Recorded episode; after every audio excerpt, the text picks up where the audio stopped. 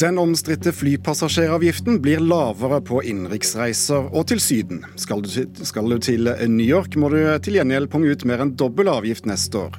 Det hjelper kanskje lommeboken vår, men hjelper ikke miljøet, sier Miljøpartiet. Regjeringen lar andre gjøre jobben for dem når de bruker ostehøvel som metode for å effektivisere statlige virksomheter. Det mener Arbeiderpartiet, som liker dårlig at det skal snurpes inn en halv prosent over hele linjen. Velkommen til eh, Politisk kvarter. Der vi altså begynner med flypassasjeravgiften, som har fått hard medfart eh, helt siden den ble innført for to år siden. I neste års budsjett foreslår regjeringen endringer i satsene. Det skal bli litt billigere å fly i Europa. Der settes den ned fra 83 til 75 kroner per billett. Skal du reise langt, derimot, f.eks. til New York eller Bangkok, så økes avgiften til 200 kroner per billett. Une Bastholm i eh, finanskomiteen på Stortinget for Miljøpartiet De Grønne. Hva slags miljøeffekt ser du av eh, en slik endring på flypassasjeravgiften?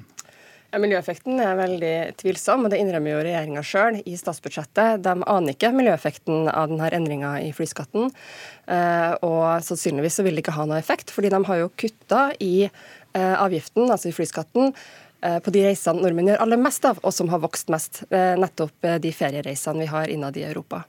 Og det her var jo for meg ganske symptomatisk for hele statsbudsjettet vi fikk på mandag, som var en dag med store kontraster. Samme dagen kom jo FN FNs klimapanel med en ny rapport som viser at vi har det enda mer travelt enn vi trodde vi hadde, hvis vi skal unngå Eh, unngå å sette verden inn i en, eh, en, veldig veldig vanskelig situasjon med mer tørke, mer matmangel, også i Norge. Eh, flere stater vil komme under vann, vil rammes av flom.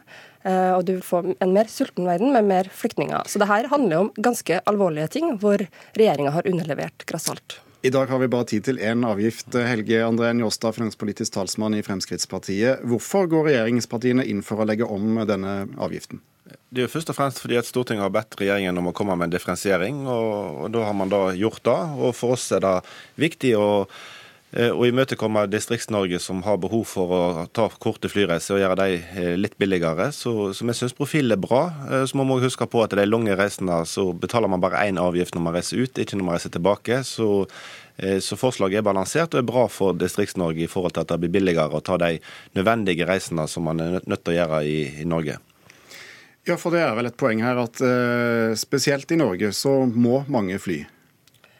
Eh, det er i hvert fall sånn vi har blitt som land, fordi vi har jo satsa på det. Så Nordmenn eh, flyr jo nå fire ganger mer enn svenskene. Vi er på europatoppen. Eh, og også fire ganger mer enn svenskene, som reiser nest mest. Så vi er et flyreisende land, og det er vi pga. prioriteringene som har vært i statsbudsjettene i flere år eh, bakover.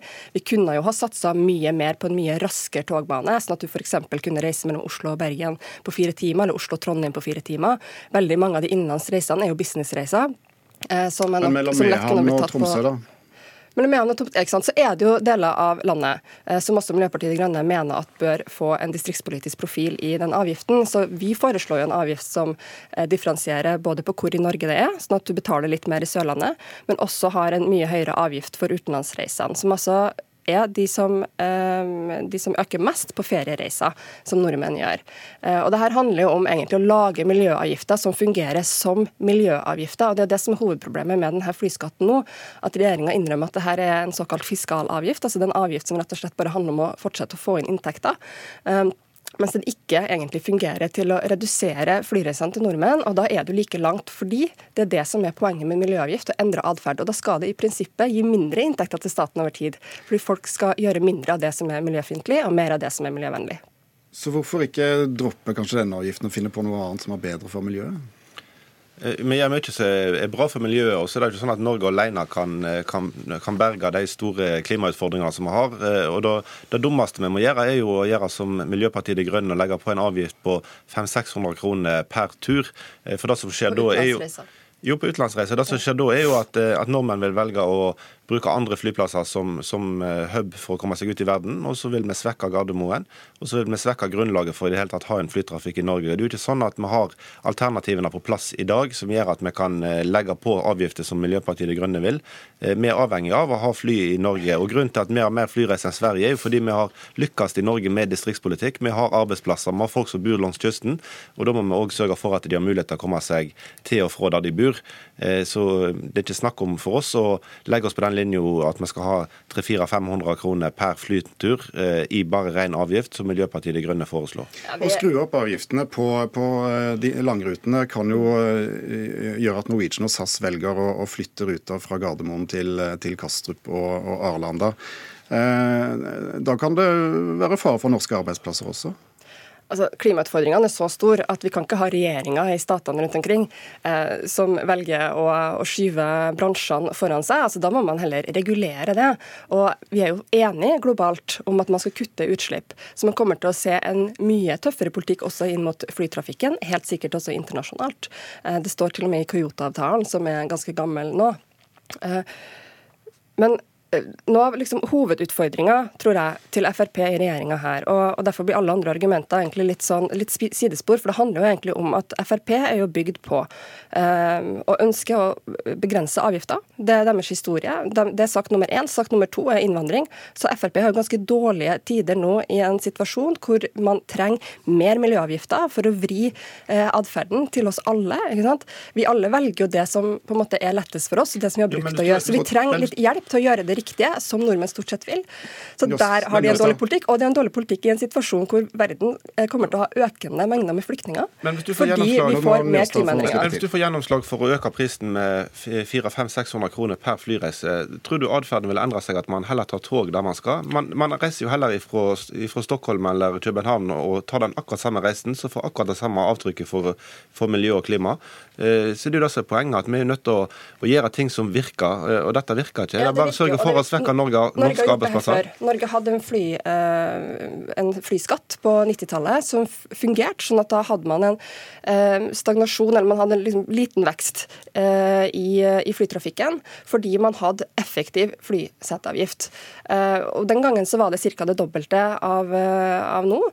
Og kan, det, det, her vet vi jo litt om, hva som gjør at vi på en måte bikker atferden. Det vi vet, er at fram, fram, til 2002, når man valgte å fjerne den skatten, eh, så hadde du i hvert fall ikke den eksplosjonen i businessreiser og en del unødvendige reiser. som man kan... Vi hadde ikke Gardermoen heller da. Eh, det eneste din politikk vil føre til, er at vi styrker København og Arlanda, og så svekker vi norske arbeidsplasser. Og vi gjør ingenting for miljøet med å gå så drastisk til verks. Ikke, Det er ingen grunnlag for, det er bare spekulasjon.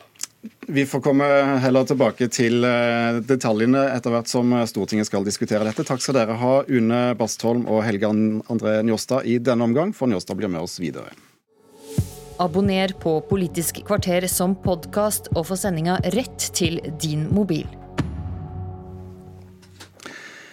Hvordan skal vi få mest igjen for alle skattepengene vi bruker? Regjeringen har i flere budsjett allerede krevd at statlige virksomheter kniper inn en halv prosent for å tvinge frem effektivisering og sparing i, i nettopp eh, statlige virksomheter. Ostehøvelen blir videreført også neste år hvis regjeringspartiene får viljen sin. Samtidig fortsetter statsbudsjettet å vokse, sammen med bruken av penger fra oljefondet. Og Åstad, fortsatt finanspolitisk talsmann i Fremskrittspartiet. Hvorfor har dere plukket opp ostehøvelen fra verktøykassen? Nei, Det er jo fordi at eh, det er viktig at staten òg hele tida effektiviserer seg og tenker på hvordan kan man bruke skattebetalerne sine penger litt smartere. Eh, og det er jo ikke da å, å, tenke effektivitet er jo ikke noe nytt for noen. Næringslivet har vært avhengig av det alltid. Eh, og bedriftene på, på Sør- og Vestlandet som har vært særlig rammet av oljeprisreduksjonen de senere årene, Eh, eh, vil jo sikkert reagere litt på at 0,5% høres veldig lite ut i forhold til hva de har vært igjennom. Eh, så jeg tror at, at all næringsliv ser at selvfølgelig skal staten òg effektivisere seg. og Dette har vært en, en, fin måte for oss å sørge for at man hele tida har fokus på å bruke pengene smart. Samtidig som det frigjør en del milliarder som vi kan bruke til andre satsinger. Mer veibygging, mer politi, mer forsvar. Og ting ja, Hvor mye penger blir egentlig fri, fristilt med et sånt grep? Det blir fristilt litt i overkant av en milliard det som skjer nå. Eh, men så har jo dette vært gjort i fire år. sånn at det er snakk om Fire milliarder? Eller en milliard Nei, mer. fordi at eh, effekten blir jo videreført. Så, så hele denne reformen har frigjort eh, veldig mange milliarder, som gjør at vi kan satse på andre viktige ting. Eh, som eh, Grunnen til at vi bruker 75 milliarder på samferdsel, ikke 44 som i 2013, fordi vi kan frigjøre penger. Rigmor Aasrud, finanspolitisk talsperson i Arbeiderpartiet. Hvor fornøyd er du med regjeringens valg av verktøy her? Vi syns det er feil. Det er ikke målretta, og det ligger ikke noen planer bak de effektiviseringstiltakene som man ønsker å sette i verk. Det er eh, helt opp til de som er på gulvet å gjennomføre tiltakene. Så jeg er helt enig med Njåstad at det er viktig at vi tenker på å effektivisere staten, bruke pengene våre på andre måter. Men da må man noe, legge noen planer for hvordan man skal få til det. Vi har jo sett at det virker f.eks. i skatteetaten, da man gjorde store investeringer i digitalisering. Og da har man klart å ta ut effekt effekten av det. Men jeg har bare lyst på å ta ett eksempel som viser på mange måter hvor feil dette er. og Det er en dagsaktuell sak som er i dag. Man har gjennomført den såkalte ABE-reformen i domstola. Kutta der. Og nå er det jo sånn at det er lengre ventetid for å få sikta fremstilt for dommer det er faktisk sånn at man må vente så lenge at man må få strafferabatt fordi man venter så lenge. Og det mener vi er en feil måte å drive kutt på. Vi har lagt inn 20 millioner til domstolene for å reversere kuttet, og for at domstolene skal ha litt mer å kunne drive for. Det mener vi er et eksempel på hvordan man ikke skal drive. Men så er det på andre områder fullt mulig å ta vekk noe byråkrati. Mm. Og det har vi vist fram i vårt alternative budsjett. Tør dere ikke rett og slett å prioritere? Jo da, visst prioriterer vi. Og det er jo sånn at noen sektorer har vi jo skjerma for, eh, for, dette opp gjennom årene. Sykehusene eh, en periode. Og så vi gir jo politiske prioriteringer hele veien. Men har heller tida fokus på å drive eh, litt smartere. Og så er det jo litt rart at Arbeiderpartiet nå er veldig imot en reform som de tidligere tidligere har, eh, har støtta, i alle fall brukt pengene de òg i sine alternative budsjett. Det er jo ikke sånn at Arbeiderpartiet har vært imot dette her i de fire årene det har gjaldt.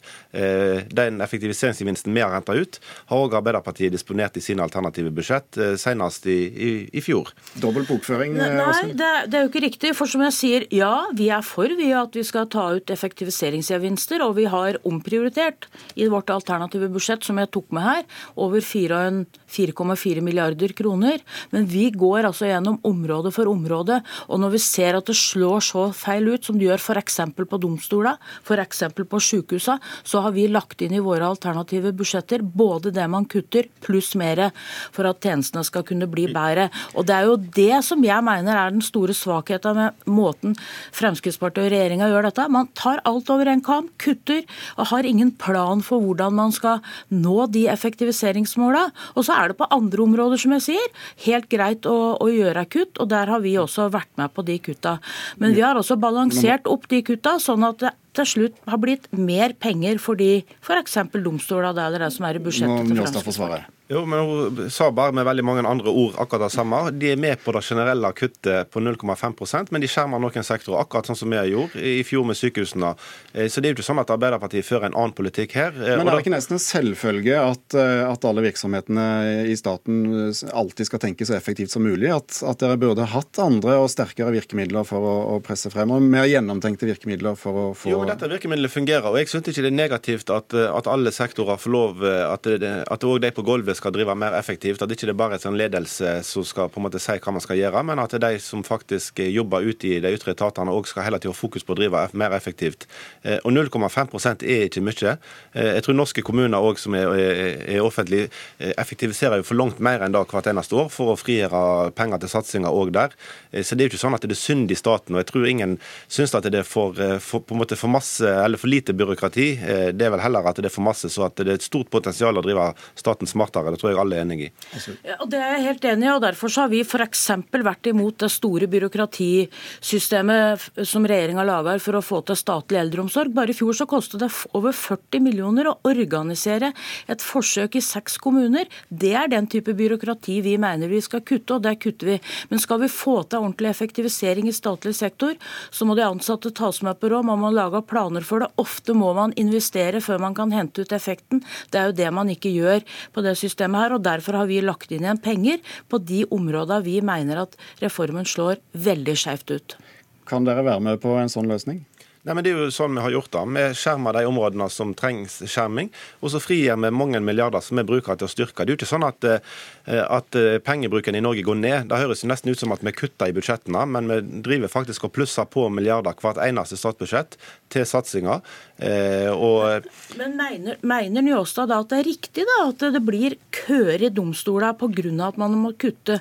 At folk står i lange køer for det å få saken sin Det har du fire sekunder til å svare på. Nei, og det det er derfor vi har frigjort penger, sånn at vi kan bruke til å styrke hele straffesakskjeden. Takk til eh, Njåstad og Aasrud. Politisk kvarter var ved Thomas Alvarstein Ove.